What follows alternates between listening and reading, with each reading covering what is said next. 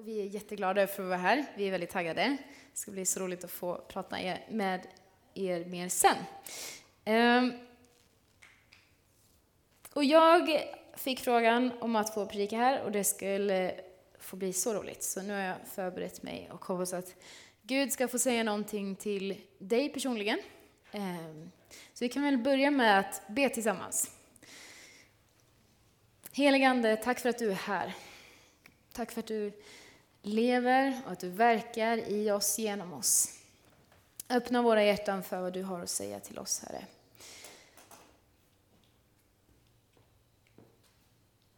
Det ber jag om i Jesu namn. Amen. Gott. Jag tror att jag skippar den här. Vi ska ha en annan grej här sen. Okej, okay, yes. Vi, går in, vi hoppar in på kvällens tema. För jag fick i uppdrag att predika om Guds vapenrustning. Är det någon som har hört talas om den tidigare? Vi kan, lite handuppräckning sen. Mm, de flesta har det, men eh, kanske inte alla. Och jag hoppas att ni ska mm, ja, ändå få... Det är alltid bra med Guds ord. Så, men jag läste liksom hela... Det står om Guds vapenrustning i Efesierbrevet kapitel 6 Eh, och vers 10 och framåt. Men jag passade på att läsa hela Efesierbrevet när jag skulle förbereda det här. Och det är så sjukt bra brev alltså. Ni borde, oj, ni borde läsa det eh, om ni kan. Och ibland är det bra att göra det för att få liksom ett sammanhang, en större bild eh, som förklarar den här lilla bilden lite bättre. Eh, och jag kommer inte läsa hela Efesierbrevet här och nu, så ni kan vara lugna. Men jag tänkte ändå berätta lite bakgrund till vem är det som skriver, vem skriver han till och så. Och det finns en snubbe som heter Paulus i bilen, i bilen. Nej, han hade nog ingen bil. Bibeln.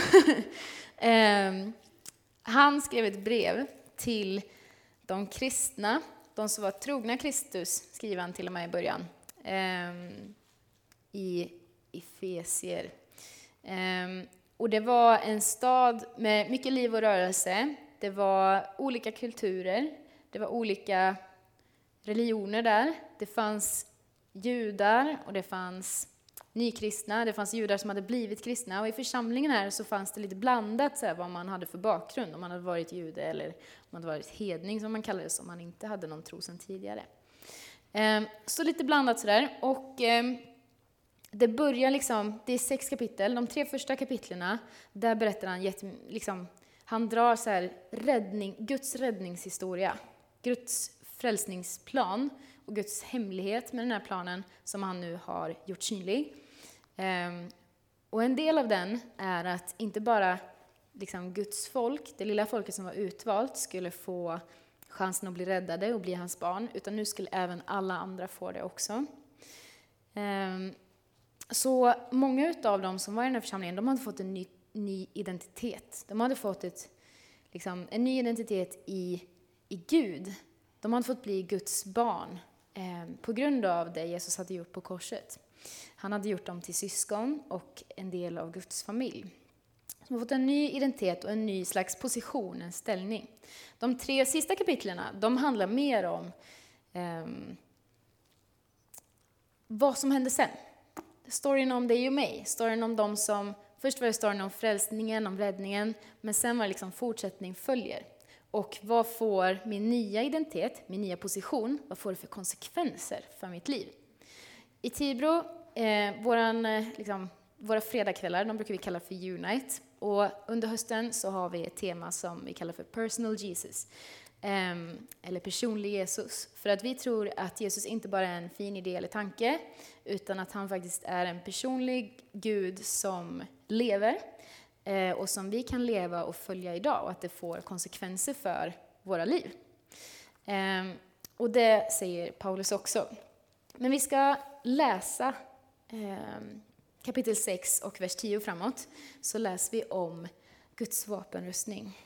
Och ni får jättegärna hänga med mig, ni som har biblar.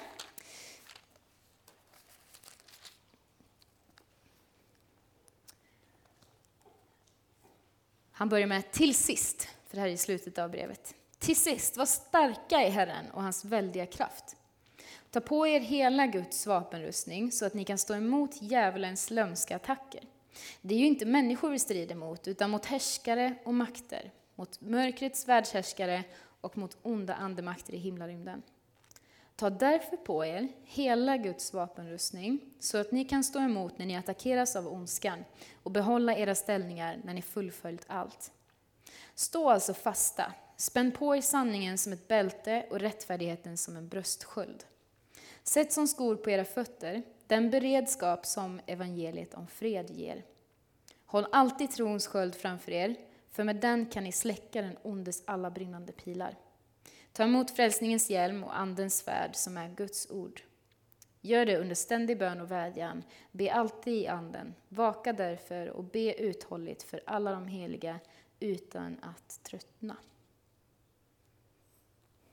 Det är ett bra bibelställe. Ehm, jag har lite som ehm, rubrik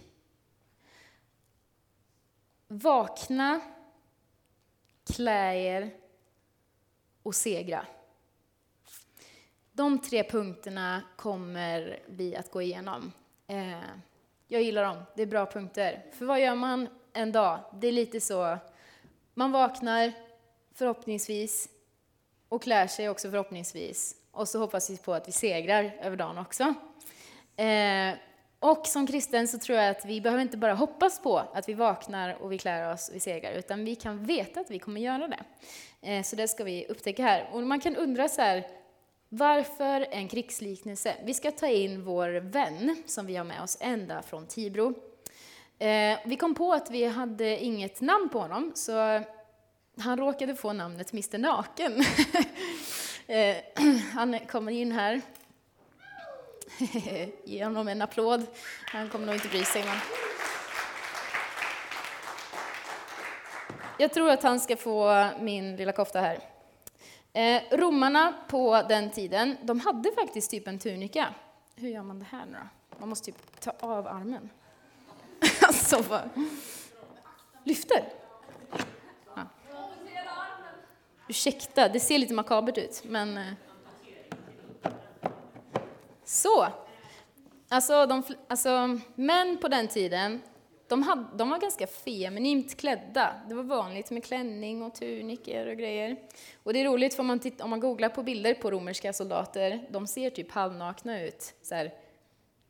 Ja, men det ser typ ut så här, liksom. man kan nästan se rumpan. Så korta tuniker hade de på sig. Ehm, och läser man om vapenrustningen, om man tänker efter, så hör man inte att det står någonting om byxor. Liksom. Eh, när man inser det så bara, har han inga byxor? Eh, så det här blir jättefint. Bra. Han har lite kläder. Vi får döpa honom till någonting annat. Okej, okay, men så varför tar man en liknelse om krig? Är inte kristen tro fredlig? Kan man ju tänka. Så här. Men på den tiden, då var romarna och de romerska krigarna, det var ju de som var bäst. Liksom. De var starkast, de vann alla krig, de gjorde romarriket stort, rikt. Liksom, skulle man prata om seger, då, då tänker man på de romerska krigarna. De segrade. Eh, och dessutom eh, så finns det en fiende, talar Bibeln om, och vi nämnde den här i bibeltexten, djävulen. Eh, och precis som att det finns en levande Gud, så tror vi också att det finns en levande ond makt. Och i vissa ställen i Bibeln så är det mer som en liksom, syndens, ondskans makt som inte är så personlig, som kanske snarare ligger bakom sånt som händer. Eh, men på vissa ställen så får också både Jesus och Adam och Eva faktiskt möta en personlig ond varelse som faktiskt talar direkt till dem. Eh, och det är djävulen. Och jag vet inte om ni har hört det, men know your enemy är ett begrepp som brukar komma upp i filmer. typ. Eh, att man behöver känna sin fiende för att veta hur man bäst ska slå den. Och den här predikan ska inte handla om djävulen, men det kan vara bra så att vi har en fiende och den behöver vi slå. Ehm, jag har en vän som inte bor i Tibro längre, men hon bodde i Tibro. Och när hon kom dit eh, och skulle börja jobba i kyrkan så var det väldigt mycket motstånd, eh, upplevde hon på många olika plan. Inte just församlingen så kanske, men det var mycket jobbigt i livet. Eh, och då så fick hon höra från en mentor där kan man säga, eh, den här tanken om att det finns en, en ond makt som är din fiende som inte vill dig väl. Och för, det, för henne var det helt nya saker. Det hade de inte pratat om i hennes kyrka. Och hon blev inte rädd av det, utan snarare så hjälpte det henne att förstå varför vissa problem fanns i hennes liv och hur hon skulle komma över dem. Ehm, så det kan hjälpa att veta vem ens fiende är. Grejen med att ha en, en rustning kan också vara att man kan få lite stärkt moral. Och moral brukar vi också ofta tänka liksom när man gör bra och rätt saker. Men är det någon som har spelat spelet Heroes of Might and Magic? En! Yes, Felix! Det var nog jag som introducerade dig för det till och med. Var det inte det? Nej, vad kul. Jag har en bild här. Se. Ehm, där har vi det. Trean var den bästa utgåvan. Det finns fram till sex tror jag, men trean var den bästa utgåvan. När jag var liten kunde jag sitta och spela det här i så här, fyra timmar i sträck och det var mycket på den tiden. Eh, det var ett dataspel och det var så sjukt kul. Eh, man krigade och grejade eh, och då när man hade sina trupper så här, då kunde man få en högre moral ibland. Eh, och när man hade en dålig moral i sin trupp, då kunde det hända så här att när det var min tur att slå, så kunde jag inte slå för att den dåliga moralen i gruppen gjorde att de typ inte vågade slåss. Eh, så när man har en dålig moral i en grupp så brukar det ofta bidra till att man blir så missmodig, typ. Att man inte vågar göra det man vill um, och blir lite så här, mm, jag är nog inte så stark, mm, nej, jag kan nog inte göra det där som man egentligen vet att man kan. Jag hade fortfarande lika starka grupper, men bara för att moralen var låg så kunde jag inte slåss med dem. Ehm, men när vi har Guds vapenrustning så tänker jag att det styrker vår moral. Ehm, Både att vi blir bättre på att avgöra vad som är rätt och fel, men också att vi får ett mod att faktiskt agera utifrån att vi har Guds rustning på oss och att vi inte behöver vara rädda för några ondska, ondskefulla makter. Um, är det någon som åker skidor eller snowboard? Nice. Eh, och då när man åker så brukar vi på i alla fall skidlägren i kyrkorna begära att man har hjälm på sig. Och det är ganska, det är typ standard numera att alla har hjälm. Det är typ ocoolt att inte ha det. Men ryggskydd och sånt, det har inte alla upptäckt än. Men när jag upptäckte ryggskydd då blev jag mycket modigare. Jag vågade åka snabbare, jag vågade till och med försöka hoppa lite grann på minigupp. Sen slutade jag med det. Men jag vågade testa. Eh, för jag hade en slags rustning på mig, jag hade ett ryggskydd som gav mig mer mod. Ehm, Yes. Så, lite därför har vi så krigs, krigstema. Paulus vet att folk fattar vad han menar och det finns mycket bra lärdomar att hämta. Så vi börjar med punkt ett. De är lite olika långa, men nummer ett på morgonen så vaknar vi förhoppningsvis. Hur många mer än jag är morgontrötta? Alltså det är ändå lite skönt att se, samtidigt som jag, det är lite synd också. Jag, vill, jag älskar att vara uppe tidigt på morgonen, men det går inte. Det går inte.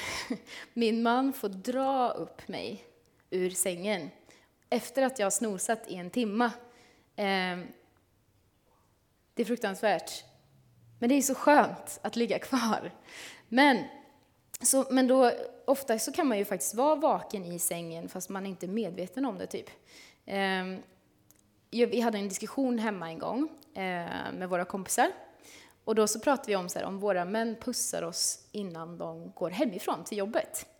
Eh, och min kompis var helt övertygad om att nej men du pussar ju aldrig mig innan du går hemifrån. Han bara, du jag pussar dig varenda dag. Eh, och du svarar när jag säger hej då. Eh, hon bara, nej, va? Nej. Men då har hon varit vaken, fast hon har glömt det för hon har somnat igen. Man är vaken, men man är ändå inte riktigt vaken. Du vet, man kan gå upp, man kan gå till köket, ta en macka, undrar, har jag ätit någonting idag? För man är inte riktigt vaken. Um,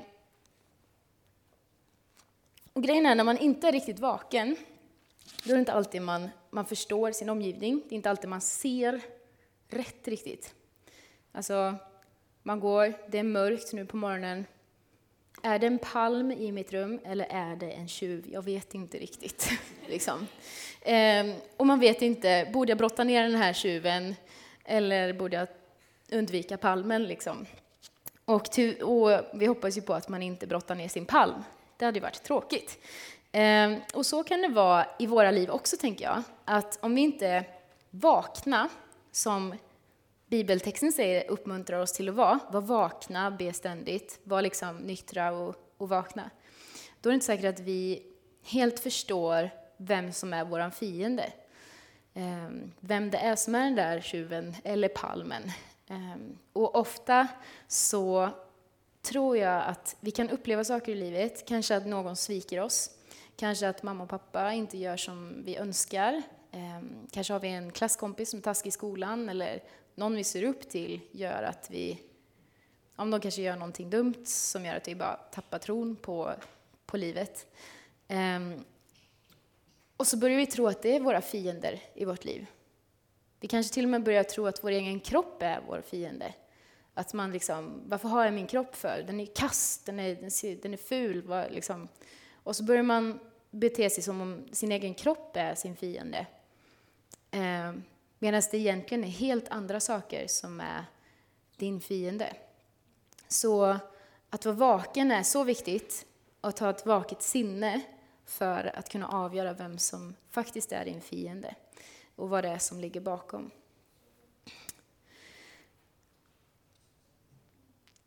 Okej, okay, vi hoppar till nummer två. Klä dig. Vi har pratat om att klä oss i Guds rustning. Jag tänkte vi skulle gå igenom alla de här kläderna. För en romare så var, om man skulle avgöra så vad en romare hade för status eller ämbete, så kollade man på kläderna och på hur man betedde sig. För en, en romersk soldat, den hade liksom lärt sig att bete sig på ett visst sätt, ha en viss moral, eh, men hade också ett speciellt sätt att se ut. Eh, och jag, vi kommer få se bilder på dem sen, men vi ska börja och klä den här Mr, vad ska vi kalla honom? Mr Påklädd. Det är ett bra namn. Eh, och grejen är, när vi läser den här texten, vad är det första vi läser att man ska ta på sig? Nej, det fanns inte med. Någon som kommer ihåg? Eller hittar? Bältet, precis. Det kan man undra, sig, varför är bältet det första man ska klä på sig? Han har inga byxor ens. Ehm, men bältet ska man klä på sig. Det är det första. För att, nu ser inte det här bältet ut som det gjorde då, men på den tiden så var bältet typ det viktigaste på hela rustningen. Ehm, delvis så var det ganska fancy, och man kunde göra det ännu mer fancy om man typ hade gjort bra ifrån sig i krig. Det hängde fina grejer så här. Ehm, men dessutom så höll det ihop liksom resten av rustningen. Så här. Ehm, det kommer på lite fler saker här sen. Och om inte bältet satt på rätt plats, om det inte satt fast ordentligt, så kunde typ bröstplåten och allt det andra också falla av. Så bältet var jätteviktigt. Och det är inte liksom vilket bälte som helst, utan det är sanningens bälte. Och det är så viktigt att vi får till sanningen i våra liv och att det får vara centralt och att det får vara det vi bygger på för att resten ska hålla sig på plats. Ehm, jag vet inte om någon av er har ljugit någon gång, men lögn brukar aldrig komma ensam. Börjar man ljuga så måste man fortsätta. Ehm, börjar man liksom, tumma på sanningen, då kommer man behöva ljuga för att upprätthålla den första vita lögnen och så måste man ljuga igen för att den andra lögnen också ska funka och så blir det bara en härva av det. Och det är inte alltid vi ens vet att vi liksom ljuger för oss själva eller för andra. Ehm, utan lögnen kan verkligen nästla sig in. Liksom. Ehm, och det här är ett sätt som jag tror att djävulen vill attackera oss på. Att vi, han börjar tumma på sanningen. Så här. Adam och Eva i Edens lustgård, de fick ett löfte från Gud. Ehm, att de hade, det, de hade allt de behövde, de hade det bästa i Edens lustgård. Eh, och om de skulle äta av det förbjudna äpplet så skulle de dö. Och ormen säger, var det verkligen, är det verkligen så att ni kommer dö? Han börjar tumma på sanningen så här. Ehm, först, så, först så bekräftar han att ja, men Gud har ju sagt så. Ehm, men sen så börjar han också, fast kommer ni verkligen dö? Ehm, och djävulen brukar sällan ta så här sjukt uppenbara lögner som vi kommer fatta direkt, utan han tar gärna någonting som vi tror på och sen förvrider det lite, lite grann.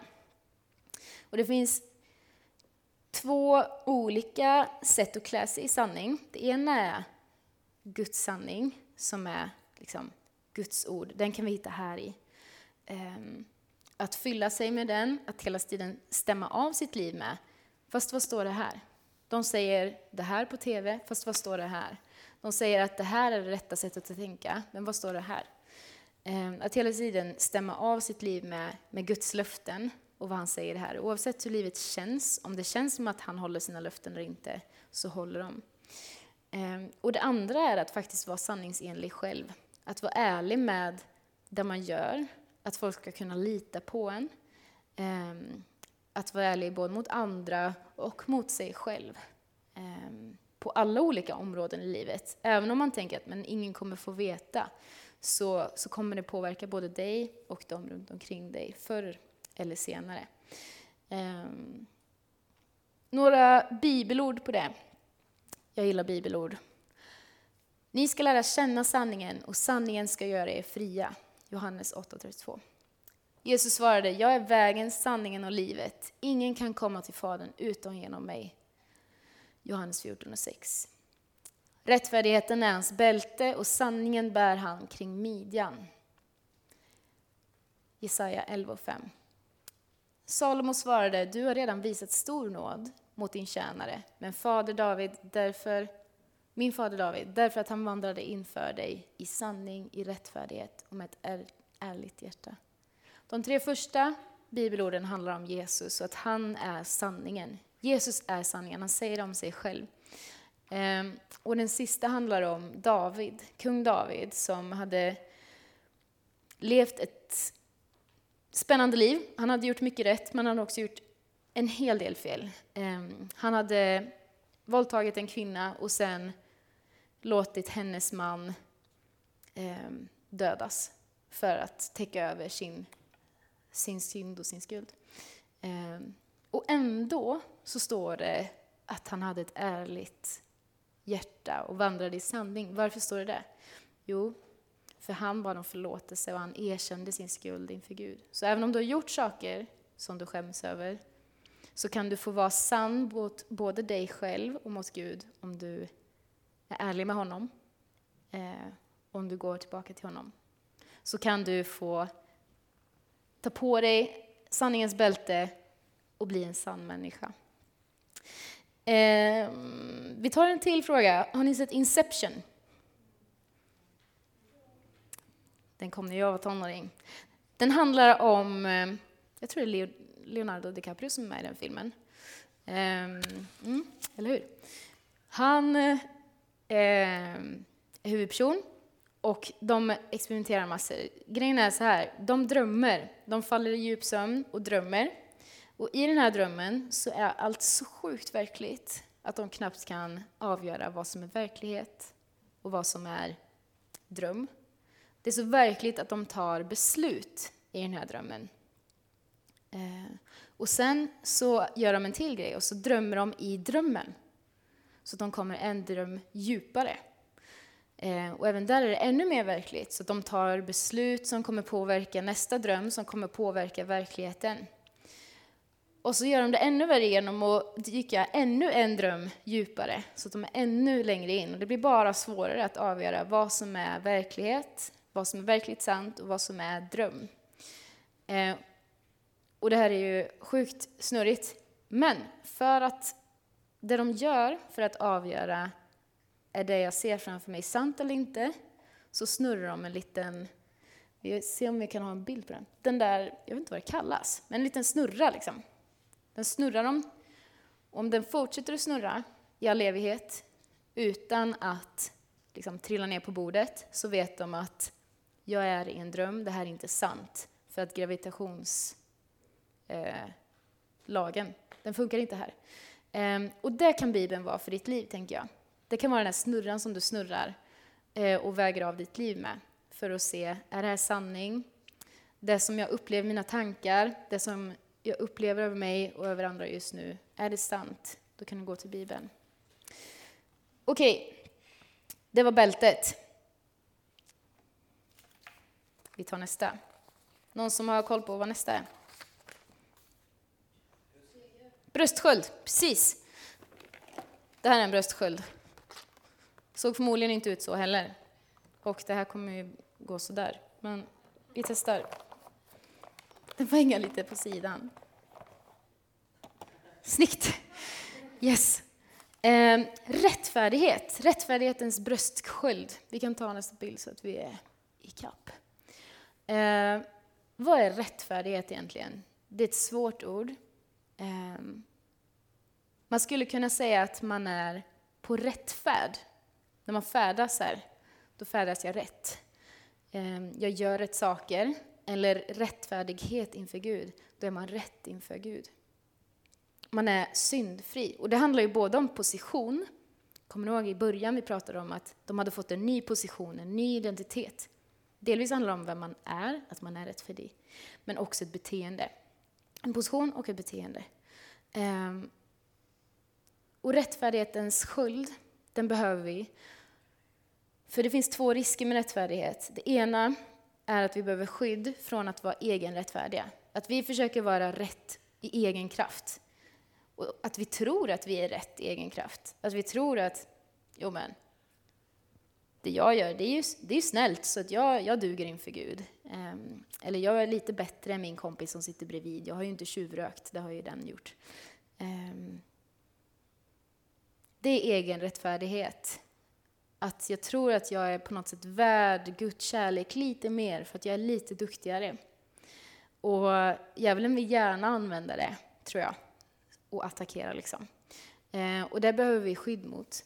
För egenrättfärdighet gör att vi blir bittra, vi blir liksom lite... Men ni kanske kan se någon framför er när man pratar om det här. Någon som är, man, har, eh, man är stolt på ett dåligt sätt. Liksom. Man är motsatsen mot ödmjuk, vad är det? Högmodig. Man är liksom, jag är bättre än alla andra. Gillar man en sån person, Oftast inte. Och det handlar inte om jante, utan det handlar om liksom att eh, man inte är ärlig mot sig själv med att jag har också svagheter. Eh, vi ska vara stolta över det vi kan. Eh, vi behöver också vara ärliga med att jag behöver Gud. Jag kan, inte, jag kan inte rätta till mitt liv på egen hand. Jag behöver Gud för att få frälsning. Jag behöver Gud för att bli räddad. Och jag kan aldrig förtjäna det själv. Det andra är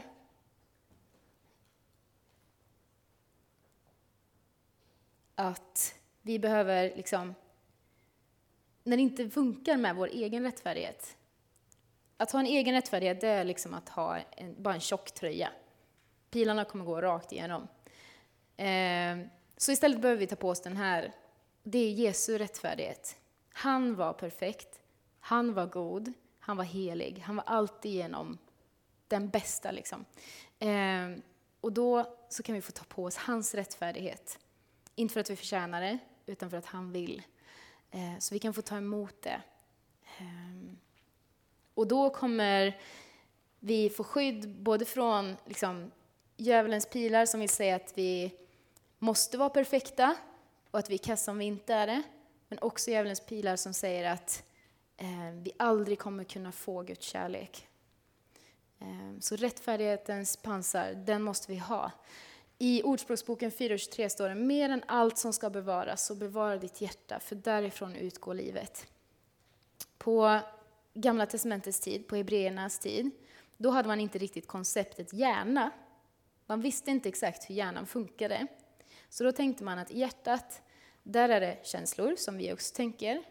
Eh, det är upplevelser. Men det är också val och tankar. De är inte här uppe nödvändigtvis. Allt utgår från hjärtat. Livet utgår från hjärtat, så det var skitviktigt att det måste man bevara.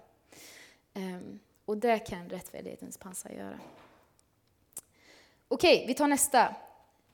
Vad har, har ni koll? Vilken är nästa grej? Skorna, precis. Jag tror inte de var riktigt så här tjusiga. Men typ, ni fattar grejen. De hade något läderliknande säkert. Och de får, sitta, de får stå så där. Jättebra. Okej, Villighetens skor. Är det någon som har varit på Segelstorp? Du som inte har varit där, du borde åka dit. Det är sommar. Världens bästa läger. Vi ledare brukar ha ett motto där som vi kallar för villighetens skor. Det är ju inte ett motto, det är ett bibelord. Men vi brukar alltid dra det så här när vi eh, pratar om ledarskap. Att vi ska ha villighetens skor på oss. Ehm, så om det behövs någonting, byta sopor, städa sin toalett, eh, skälla ut en deltagare, you name it. Då, är det liksom, då ska vi nästan fightas om att få göra det. Vi ska vara villiga, vi ska ha skorna på oss som gör att vi bara, vi bara vill tjäna. Vi, Gud, här är jag. Vad kan jag få göra liksom? Eh, och ha den inställningen på sig hela tiden. Och det står att villigheten, den är ingenting som vi måste frammana själva, utan den kommer ifrån evangeliet och budskapet om Jesus. Eh, så om du inte känner villighet, kanske att du behöver bara gå tillbaka till vad Jesus har gjort för dig först. Eh, så kan du därifrån få motivation att okej, okay, Jesus har gjort allt för mig. Jag kan inte ens komma i närheten av att betala tillbaka det som han har gjort för mig. Men jag kan få göra någonting och jag gör det med glädje. Okej, vi tar nästa. Vad har vi då? Någon som har bibelstället framme?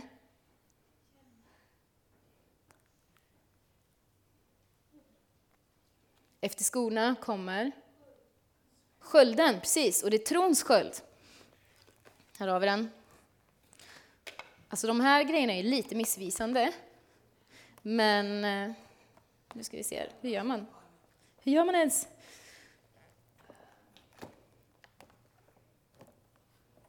Tro, vad är tro egentligen? Tro kan ju vara att jag tror att det blir regn imorgon. Men det är inte Bibelns tro. För Bibelns tro, den säger att tron är en övertygelse. Man är helt övertygad om det som man hoppas på. Man har en visshet om ting som man inte ser. Jag är övertygad och jag vet att det som är mitt hopp, det är sant. Även om jag inte ser det, så vet jag. Man kan få växa i det. Det är inte alltid varje dag man känner så. Men man kan få komma tillbaka till det. Och med trons sköld så kan man få hålla det framför sig när djävulens pilar kommer. Det står till och med att djävulens brinnande pilar kommer. Och på romartiden, då hade man träsköldar som var lika stora som dig själv. Fatta vad tungt det måste ha varit att bära. Ehm, och de här träsköldarna kunde man dränka i vatten. Så därför står det här. Håll alltid trons sköldar framför er, för med den kan ni släng, släcka den ondes alla brinnande pilar. Och återigen, brinnande pilar, alltså det är hans attacker bara. Attacker på, är det verkligen sant det som Gud har sagt? Är det verkligen sant att du är Guds barn? Är det verkligen sant det där som han säger? Tvivla är okej. Okay. Men jag tror att du behöver få dela tvivlet med någon för att det inte ska bli otro. Och vi behöver bli bättre där på att göra utrymme för att tvivla. Men eh, en lite spännande grej med den här skölden som de hade på romartiden, det var att de, den var ju skitstor som sagt. Men dessutom så gick de ofta i grupp. Legion kallar de sig. Eh, romerska legion. Och vi har en bild på det. Här har de liksom ställt sig i formationer och hakat i sina sköldar i varandra. Vilket gör att de har sjukt bra skydd för, ja, från pilar, från alla typer av motstånd. Kanske inte på sidan just där, men de har ju liksom anpassat skyddet utifrån vad det är för attack som är på väg. Ehm, och när det gäller tro så är det viktigt att man har människor runt omkring sig som kan liksom haka i sin sköld, i din sköld, när din sköld inte är så blöt längre så att den kan släcka fiendens pilar. Utan att ni tillsammans kan få göra ett starkt skydd Så när du inte känner dig stark i tron, då kan någon annan få vara stark åt dig. När du tvivlar, då kan någon annan få tro med dig, få lyssna på dina tvivel, få påminna dig om vad Guds löften är. Att ha trons skydd framför sig, det skyddar både dig själv, men det kan också användas som ett skydd tillsammans med andra. Söndra och härska. Latinet, latinska ordet för divide et impera. Det är en politisk grundsats som typ, det är jättemånga härskare. Jag kollade på eh, La Casa de la Papel, eller vad den nu heter. det är många av er som vet vilka det är. Ja, en ny serie på Netflix. Um, där säger de det, söndra och härska. Många stora ledare som leder krig, de använder det här ordet för de vet att det funkar. Och det gör det ofta. Man väljer att först gå in och söndra en grupp, alltså dela den, så splittring, ehm, och sen så kan de härska över den. Och det gör man för att man vet att människor som är tillsammans, de kan göra vad som helst. Ofta så tror politiska ledare mer på människors gemenskap än vad människorna själva gör. Eh, och de vet att när människor är tillsammans, då kan stora grejer ske. Så de vill inte att vi ska vara tillsammans. Eh, och, där, och så tror jag att djävulen också funkar ibland, att han vill splittra oss som kyrkor, som församlingar, eh, som kristna och, och få oss att tro att vi klarar oss själva. Eh, men när vi är tillsammans, då kan vi verkligen få vara med om stora grejer. Okej, okay, det var skölden. Vi tar nästa. Nu är vi inte så många kvar. Hjälmen. Kommer svärdet först? Nej, frälsningens hjälm, den kommer först. Ni får läsa er bibel. Okej, okay. frälsningens hjälm. Här har vi den. Hoppas den får plats. så, så. Tjusigt. Vi får se hur länge den stannar. Okej, okay, frälsningens hjälm, vad ska vi ha den till? Att veta att jag är frälst och har en framtid efter min död, det kommer ge dig örnavingar, som Vilma berättar om. Det kommer ge dig nya ögon, det kan ge dig perspektiv på det som händer just nu, så att du vet att vi, alltså livet kan vara skit just nu, men jag vet, för jag har en Gud som har lovat mig, att det finns en framtid. Det finns ett hopp efter det här livet. Och därför kan jag ha ett helt annat perspektiv än vad jag har nu. Jag behöver inte kolla så här nära och bara se det som är skit just nu, utan jag kan få lyfta blicken, jag kan få lyfta blicken till korset och veta att det finns hopp, det finns en framtid, det finns någonting bättre just nu. Och det är så viktigt att få göra det, få ta på sig den här hjälmen tight på huvudet och veta att jag är frälst, jag är i Guds händer, det finns en bättre framtid när allt känns som att det bara attackerar en. Den hjälper dig att förnya dina tankar. Den liksom skyddar dina tankar, den skyddar på romartiden så brukade de ha också som så små öronlappar ner här. Den kan få med att skydda vad du tar in, vad du hör. Den kan få hjälpa dig att avgöra, det här jag hör, är det rimligt? Liksom? Um, och den finns för att bevara ditt hopp. Dina val som du gör idag, de behöver spegla det som du vill för morgondagen. Om du tänker att du vill bli en bra fotbollsspelare imorgon, då behöver du börja träna idag, eller hur? Och så är det med det kristna livet också. Om du vill bli liksom, om du, om du vill ha ett bättre tankeliv, då kommer du börja behöva träna på det redan idag. Um, du behöver ha perspektiv, att jag vill det här för min framtid då är det bäst att jag börjar redan nu. Ehm, det kan vara skit just nu, men jag vet att det finns en bättre framtid. Jag vet att det finns en seger som väntar på mig där framme. Därför kan jag hålla huvudet högt. Därför behöver jag inte ge upp just nu. Okej, då har vi sista och då kanske ni kan räkna ut vad det är för någonting.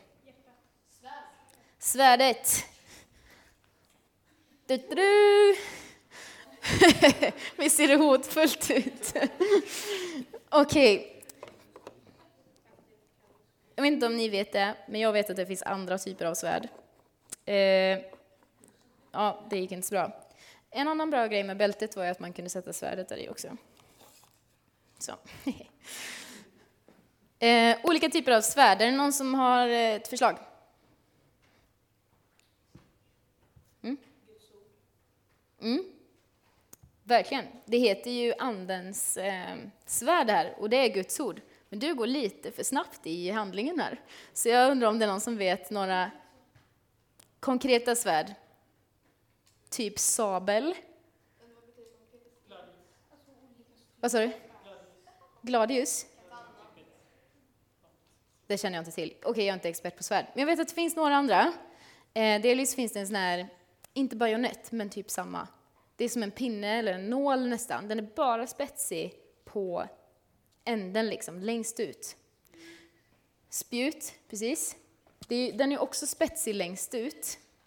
Och precis som Benjamin sa, så är Andens svärd Guds ord i det här fallet. Det står så här i Hebreerbrevet 4 och 12. Guds ord är nämligen levande och verksamt. Det är skarpare än ett dubbeleggat svärd och det tränger djupt in i vårt innersta. Det åtskiljer själ och ande, leder och märg och avslöjar hjärtats uppsåt och tankar. Ett spjut eller ett sånt där svärd med en spetsig topp längst på, längst ut. Det är inte det mest effektiva svärdet egentligen när man tänker efter. Du kan ju bara sticka med det. Det här känns jättemakabert, men du kan ju bara sticka med det. Och jag tror att vissa tror det och tänker det om sin bibel och Guds ord ibland, att det är väldigt enkelspårigt. Det är smalt, det är liksom, du kan bara göra lite grann med det. Du kan bli lite gladare, du kanske också blir väldigt mycket mer fundersam när du läser det. En sån bild kan man ha av Guds ord, men det är inte det svärdet som Paulus pratar om.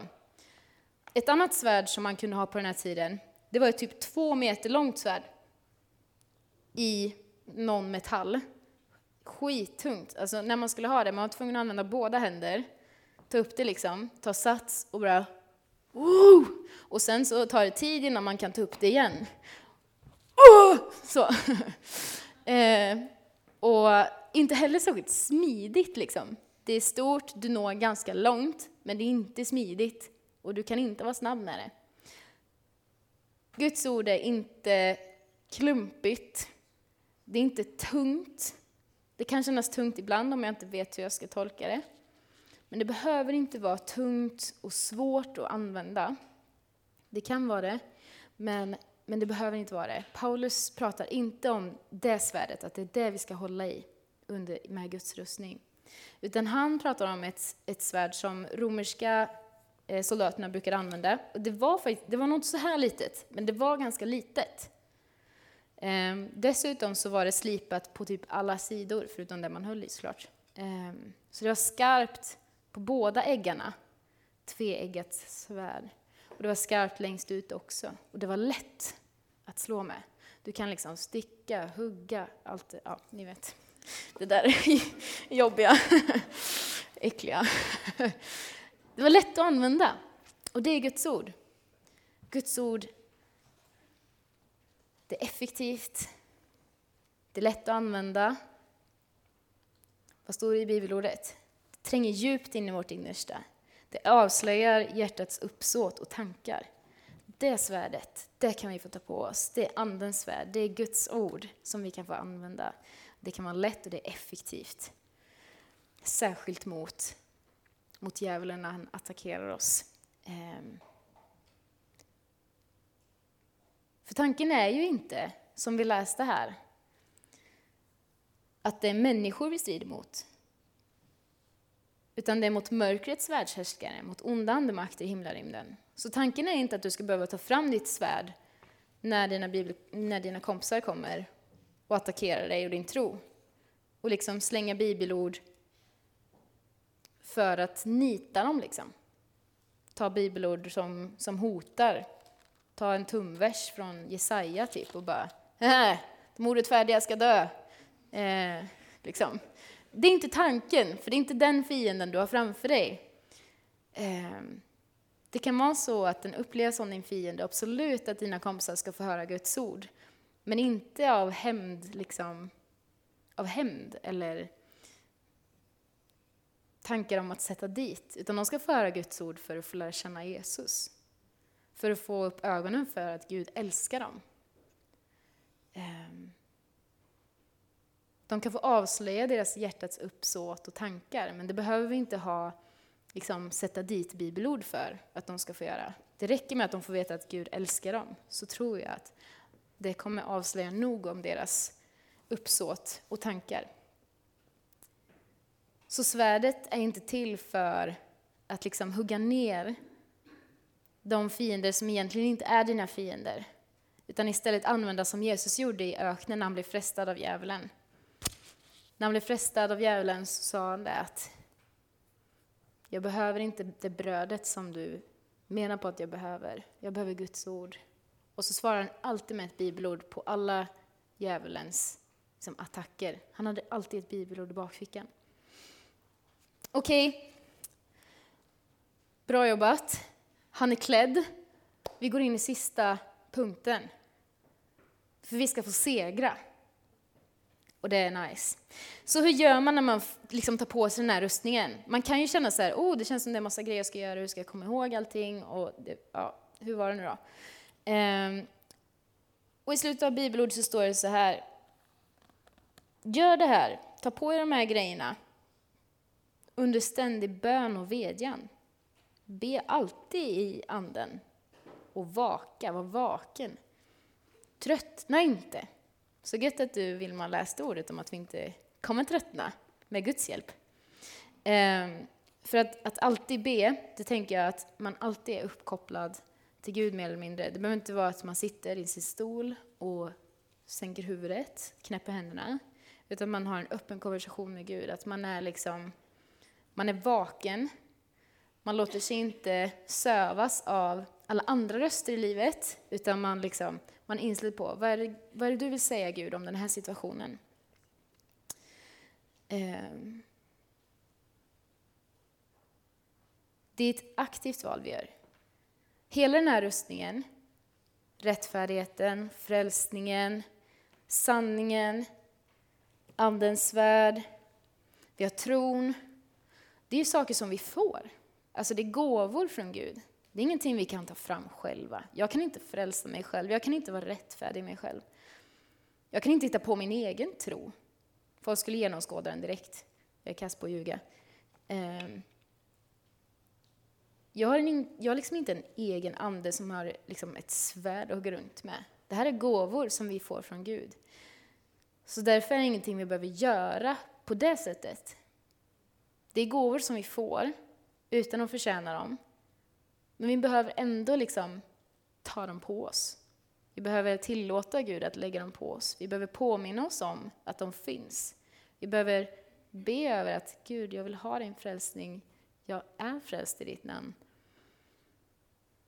När jag, jag var på Hawaii i tre månader och fick gå bibelskola och, trän, och leda träning där. Ehm, och varje vecka, två dagar i veckan, så bad de den här, då bad de en bön som hade med Guds vapenrustning att göra. Felix nickar, han har gjort det också. De gör det året om. Så gör de det här. När de har international prayer så ber de frälsningen, eller vapenrustningen. När de har local prayer så ber de vapenrustningen. De är ett jätteutsatt område på Hawaii. Det är inte palmer bara, utan det är mycket droger, eh, vapenhot och grejer. Och de vet att vi, vi måste ha den här rustningen om vi, ska, om vi ska fixa det här. För vi vet att vi är på rätt plats, vi vet att vi gör bra saker och vi vet att det finns en, en ond makt som vill stoppa oss när vi gör det här, när vi gör det i Guds namn. Eh, och om du känner att nu, nu är det tufft i livet, då vill jag bara uppmuntra dig till att komma ihåg Guds vapenrustning. Bara påminna dig om alla de här olika delarna och att de finns till för dig. Eh, Gud vill klä dig i dem. Så det är bara att ta emot. Och ibland kan man ju känna att man liksom blir sårad så här. Åh nej, jag glömde. Jag glömde trons sköld. Jag tror inte längre. Eller, är jag verkligen frälst? Ett blödande hår, i, hår sår i huvudet. Ehm, att man känner sig sårad. Och då tror jag det är just att ibland kan vi tro att ja, men det räcker med att Det räcker med att jag är villig i kyrkan. Det räcker med att jag går dit. Men jag behöver ju inte lyssna på vad de säger på predikan. Eller det räcker med att det räcker med att jag läser min bibel. Läser min bibel varje dag, då borde jag vara helt fine liksom. Men Gud säger att du ska ta på dig hela rustningen för att vara helt skyddad. Du behöver frälsningen, du behöver rättfärdigheten, du behöver Guds ord, du behöver villighetens skor, du behöver trons sköld eh, för att inte bli sårad. Men när du väl blir sårad, då är det så gott, för då har vi en Gud som vill hela, som vill upprätta, som vill sätta på dig skölden igen, som vill sätta svärdet i skidan igen. Som vill sätta på dig hjälmen igen. Och det gäller det återigen att vara sann mot sig själv, vara sann mot Gud. Det finns en snubbe som heter Magnus Malm och han säger så här. All sanning är en kontaktyta med Gud oavsett hur oandlig den låter. Och all osanning är ett avstånd från Gud, hur andlig den än låter. Vi tar den igen. All sanning är en kontaktyta med Gud oavsett hur oandlig den låter. Och all osanning är avstånd från Gud oavsett hur andlig den låter. Så du kan vara ärlig med Gud. Du kan vakna och kanske duscha. Kan behövas om vi känner att nu har det blivit sunkigt här. Nu behöver jag, jag behöver förlåtelse, jag behöver renas igen. Då kan du gå till Gud, du kan duscha. Så kan du klä på dig. Och så kan du segra. Och så gå på repeat. Vakna, kanske duscha, klä på dig, segra, repeat. Och nu är vi på segern. Och vi ska läsa i vår bibel vad den säger om seger. I början av Efesierbrevet, som är så bra, så står det så här. Och det här är, alltså, det här skulle man kunna läsa varje gång man går till jobbet eller till skolan. Och det skulle bli så mycket godare. Efesierbrevet 1 och 18 till 21. Jag ber att era hjärtan ska upplysas så att ni inser vad det är för hopp han har kallat er till och vilka härliga rikedomar som han låter de heliga få ärva och hur otroligt stark hans kraft är för oss som tror. Det är samma mäktiga kraft som han lät verka i Kristus när han uppväckte honom från de döda och satte honom på sin högra sida i himlen högt över alla härskare, makter, krafter och auktoriteter, över alla namn som ska nämnas, såväl i den här tidsåldern som i den kommande. Allt la han under hans fötter. Samma kraft som den här Jesus har, den bär vi på. När vi blir hans barn, när vi tackar ja till vapenrustningen, när vi tackar ja till Jesus, jag behöver din räddning. Jag tackar dig för att du dog på korset istället för att jag skulle behöva göra det. Jag tackar dig för att du har räddat mig. Då gäller det här dig. Då bär du på samma kraft som uppväckte en död, som uppväckte Jesus från döden, som övervann döden, som övervann ondskan. Samma kraft kan du få bära på. Och du behöver inte vara rädd. Kanske att prat om djävulen och ondska skrämmer dig. Så kan det ju vara. Eh, men jag tror att om du bär på Jesu närvaro så är du en farlig motståndare. Jag spelade paintball för första gången i mitt liv för typ ett år sedan.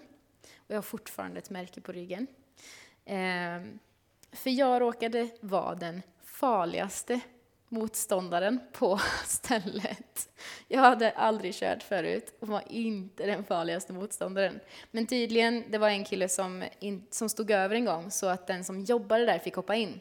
Och han visste ju exakt vilka som var de farligaste platserna på planen. Och jag hade råkat sätta mig på den farligaste platsen på planen. Och han kände ju inte mig, så jag, han visste ju inte hur bra jag var. Eh, men jag hade lite koll på honom. Vi var liksom mitt emot varandra. Han var längst bort. Jag var typ längst bort. Jag hade en kompis bredvid mig. Eh, och han, han liksom pepprade på hur mycket som helst, så jag kunde typ inte kolla upp. Så jag sa till min kompis här, har du koll på honom? Han är kvar eller? Eh, och liksom tittade upp lite snabbt. Och sen typ några sekunder senare så ser jag hur min kompis vänder sig mot mig och börjar skjuta mot mig. Och jag bara, vad gör du? Liksom.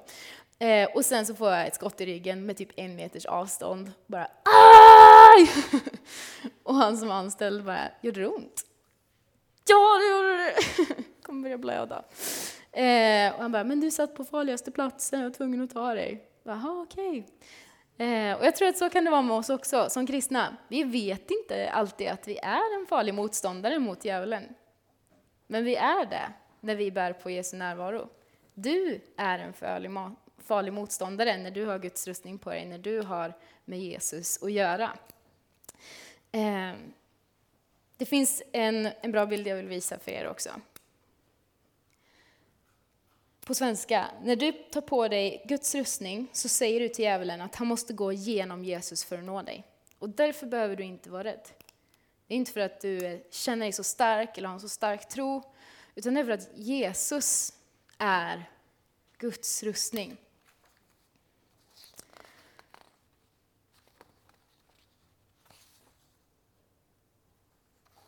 Romarbrevet 8.37-38. Men i allt detta vinner vi en överväldigande seger genom honom som har älskat oss. För jag är viss om att varken död eller liv, varken änglar eller förstar, varken något som nu är eller något som nu kommer komma, varken makter, höjd eller djup eller något annat skapat ska kunna skilja oss från Guds kärlek i Kristus Jesus vår Herre. Och att iklä sig Guds rustning, det är att iklä sig Jesus. Jag själv är inte stark. Jag är svag. Jag kan inte gå upp på morgonen, hur mycket jag än vill. Vad det än är för viktigt jag ska göra på dagen. Men jag är Jesus stark. När jag klär på mig Jesus, när jag säger jajamensan, jag vill ha med dig att göra idag, då är jag stark, för han är stark. Jesus är frälsningen. Jesus är rättfärdig. Jesus är sanningen. Jesus är Guds ord. Och Jesus är villigheten själv och budskapet om evangeliet. Jesus är den som ger oss tro. Han är trons upphovsmakare och fullkomnare. Jesus är allt det här. Vi behöver inte frammana det själva. Jag behöver inte själv vara stark. Men Jesus är allt det här som Guds rustning är. I Jesus har vi seger. Amen på det. Vi ska lovsjunga lite tillsammans.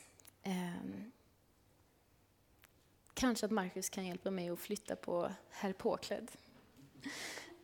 Och vi kommer, det kommer finnas förbön för dig som vill ha det. Ehm, om du inte vet vad det är, så är det att vi gärna ber för dig. Och det kan handla om vad som helst.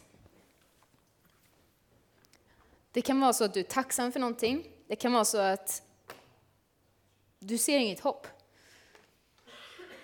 Gud finns i alla de situationerna och vi vill stå med dig i alla de situationerna om du vill.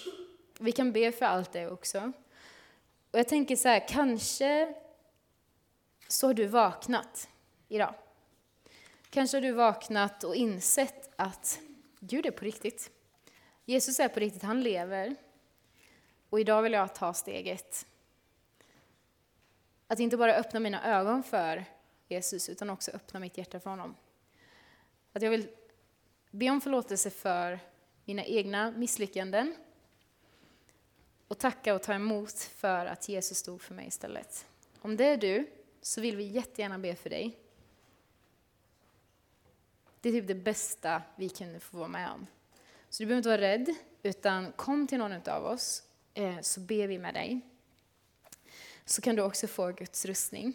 Eh, det är det ena som jag tänker speciellt på. Och det andra är att du kanske känner speciellt för någon av de här delarna av rustningen som du har lite svårt med. Ehm, kanske att du vill ha hjälp med att ta på dig frälsningens hjälm, att du behöver, kanske känner att du inte har bevarat ditt hjärta och behöver få det helat igen. Kanske känner du att men jag skulle ju vilja ha villighetens skor. Att tjäna, att gå ut med budskapet. Ja, ni vet, ni har ju lyssnat på min predikan. Ehm.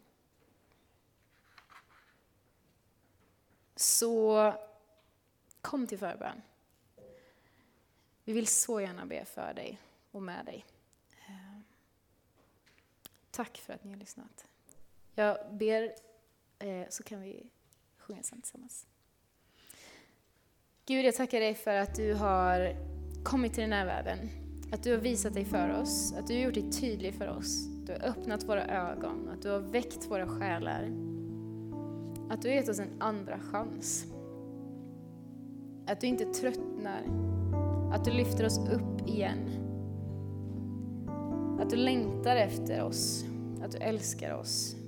Mer än vad vi någonsin kan förstå. Jag tackar dig för att du dog istället för mig på korset. Tack för att i dig kan jag få vara stark, oavsett hur svag jag känner mig. Tack för att det finns seger i ditt namn, Herre. Tack för att det finns seger i, den, i de mörka situationer vi kan uppleva. I de ljusa situationer vi kan uppleva. Tack för att du har lovat en framtid och ett hopp. Tack för att du har kommit med frälsningen. Tack för att du har kommit med rättfärdigheten. Tack för att du ger oss ett svärd att både skydda oss med och att attackera med. Tack för att du har gett oss en trons sköld att hålla framför oss och våra medkristna. Tack för att hela den här rustningen ger oss styrka och att det är en gåva att ta emot. Och jag ber att vi alla här inne skulle få modet att bara sträcka ut armarna och bara Kom Gud, jag vill ta emot din rustning. Klä mig i din rustning. Hela mig igen. Tack för att du känner oss alla här inne och att du möter oss där vi är. Tack för att sanningen är en kontaktyta med dig oavsett hur oanliga vi känner oss, Herre. Jag ber att din sanning skulle få ta plats i våra liv, i de relationer som vi är i, i relationen till oss själva, till våra familjemedlemmar, till våra klasskompisar, till våra lärare, till dig och till ondskan, Herre. Välsigna och bevara och beskydda oss, Herre. Bevara och beskydda var och en här inne. I Jesu namn. Amen.